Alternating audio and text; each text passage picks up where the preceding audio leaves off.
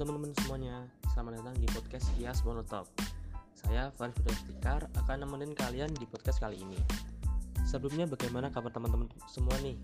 Semoga kalian sehat terus ya, terutama di masa pandemi saat ini. Dan pastinya lebih baik kalian di rumah saja, tentunya ditemani dengan podcast IAS. Ada yang baru nih di podcast IAS LC Undip. Di IAS LC Undip sekarang punya podcast khusus buat membahas partnership loh tujuannya apa sih diadain podcast ini? Tujuannya yaitu sebagai wadah buat teman-teman yang punya minat di bidang partnership atau yang ingin memperdalam lagi skillnya terutama buat teman-teman partnership ISLC Undip. Tentunya nanti kita juga bakal ngobrol-ngobrol dengan narasumber yang udah berpengalaman. Penasaran gak sih kita akan ngobrolin apa? tanpa bertele lagi episode kali ini bakal membahas tentang partnership di IAS nih teman-teman kita bakal tahu lebih dalam lagi tentang partnership terutama di dalam lingkungan IAS. Sebenarnya partnership itu apa sih? Sebagian besar dari kalian pasti udah sering dengar, tapi mungkin masih banyak yang belum tahu. Jadi, partnership itu sebuah hubungan timbal balik antar dua orang atau lebih yang menghasilkan sebuah kesepakatan. Partnership penting banget buat sebuah organisasi karena pastinya kedua belah pihak sepakat baik untuk berbagai keuntungan maupun kerugian dari bisnis yang dijalankan. Kita bakal tahu lebih lanjut lagi nih tentang gimana sih membangun partnership terutama di lingkungan IAS. Jadi stay tune ya teman-teman karena ini bakal bermanfaat banget buat kalian. Seperti yang teman-teman ketahui, pentingnya partnership di sebuah organisasi Pun menjaga bagaimana partnership secara internal dan eksternal berjalan dengan baik. Gimana sih partnership di IAS? Pada kesempatan kali ini kita akan bertanya langsung dengan narasumber yang kece, keren dan pastinya punya pengalaman di bidang partnership, yaitu Kak Sarah. Halo Kak Sarah, apa kabar? Oke, halo Familias. Kabarku baik nih. Eh tapi sebelumnya aku mau kenalin diri dulu kali ya.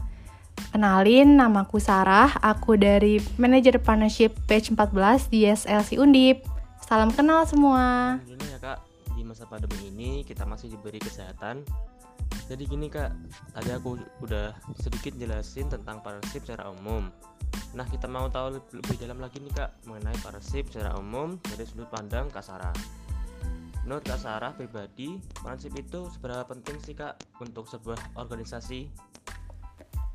Kalau menurut pandanganku, partnership itu penting buat suatu organisasi. Karena kalau kita ngadain partnership atau kerjasama sama pihak luar, itu tuh bisa bawa benefit buat organisasi itu sendiri.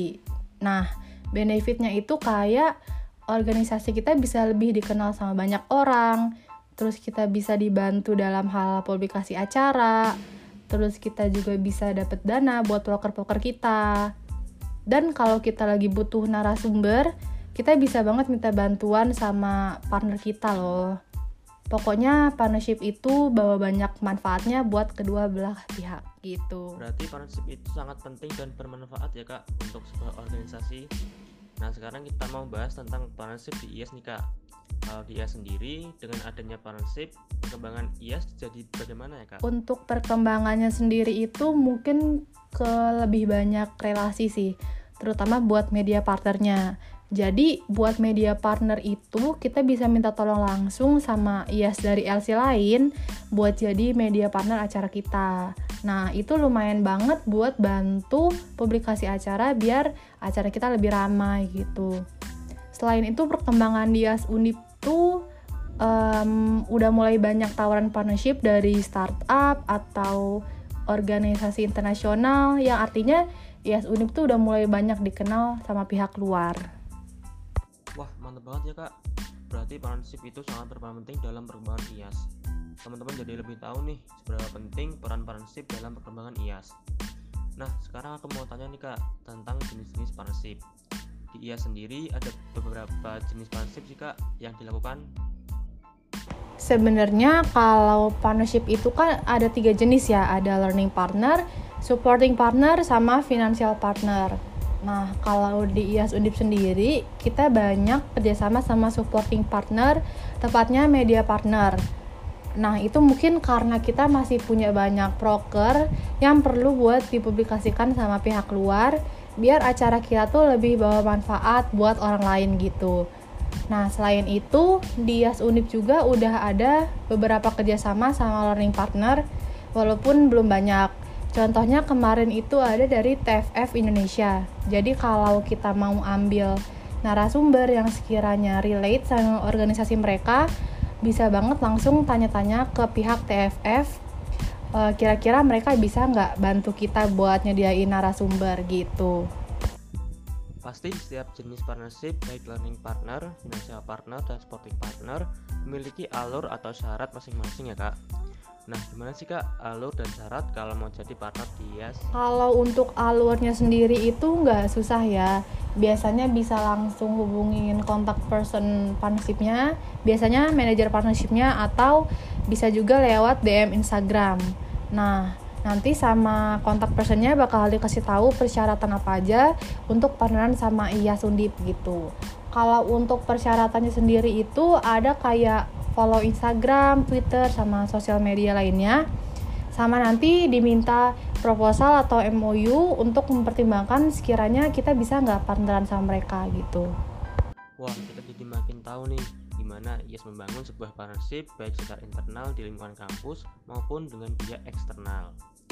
Dari apa yang kita tahu partnership tidak semudah itu ya teman-teman partnership bukan sekedar tidak sama aja melainkan terdapat sistem tersendiri. Nah Kak Sarah sendiri pasti udah punya pengalaman nih di bidang partnership dan pasti ada sisi enak dan gak enaknya dalam jalankannya boleh gak sih kak diceritain sedikit waktu kakak menjadi bagian dari partnership ini Nah, waktu aku di IAS kemarin itu aku sebagai anggota PRP sama sebagai manajer partnership di IAS. Rasanya itu seru banget sih. Aku bener-bener enjoy karena aku punya banyak banget kegiatan dari IAS Indo yang bareng-bareng sama IAS LC lain. Jadi aku bisa nambah pengalaman, nambah relasi dan aku juga bisa sharing-sharing sama mereka gimana sih sistem partnership di IAS LC lain itu. Jadi aku bisa jadiin bahan evaluasi buat partnership di IAS Undip gitu. Selain itu, um, teman-teman di PRP semuanya mau diajak kerjasama, mau bareng-bareng, jadi kita itu nggak merasa terbebani sama sekali. Wah seru banget ya kak, nggak ada pengalaman nggak enaknya nih. Pasti pengalaman itu nggak bakal bisa dilupain sama kak Sarah. Nah untuk yang terakhir nih kak, buat kepengurusan partnership sekarang di IAS dan buat teman-teman yang dengerin ini atau lagi ada di partnership apa harapan Kak Sarah dan sedikit motivasinya dong Kak buat teman-teman.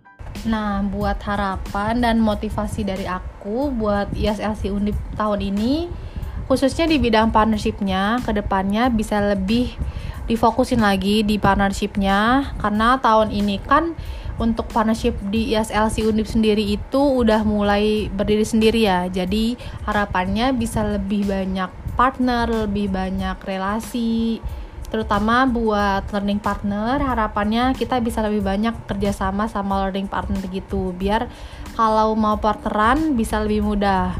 Terus untuk anggotanya buat ningkatin motivasi anggota kalian bisa kayak ngadain target buat bisa dapat partner. Jadi anggotanya tuh bisa lebih semangat sama termotivasi lagi gitu.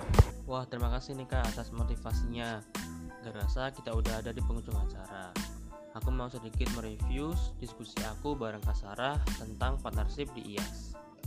Jadi, partnership memiliki manfaat dan sangat berperan penting dalam sebuah organisasi. Di IAS LC Undip, partnership berperan penting dalam perkembangan IAS LC Undip itu sendiri, seperti memperluas relasi dan tawaran dengan organisasi internasional. ISLC Undip sendiri memiliki tiga jenis partnership, meliputi learning partner, financial partner, dan supporting partner. Di ISLC Undip banyak kerjasama dengan supporting partner, tepatnya media partner, untuk publikasi poker-poker oleh pihak luar agar lebih bermanfaat bagi orang lain dan terdapat kerjasama dengan learning partner seperti TTF Indonesia berkaitan dengan penyediaan narasumber. Sebenarnya masih banyak lagi yang bisa kita kupas mengenai partnership, tapi kita udah di penghujung podcast nih guys. Saya mau ngucapin banyak terima kasih buat Kasara yang sudah bersedia untuk hadir dan berbagi pengalaman di podcast kali ini. Terima kasih Kasara. Oke, sama-sama. Semangat terus ya buat Familias jangan sedih ya guys bisa ada episode-episode selanjutnya dengan topik yang tidak kalah keren dengan topik kali ini jadi jangan sampai kelewatan ya So stay tune terus di IAS Molotov. Bisa kita mau jargon dulu nih guys. IAS think globally, act locally. Jumpa lagi teman-teman. See you in next episode. Stay safe and stay healthy ya teman-teman. Dah.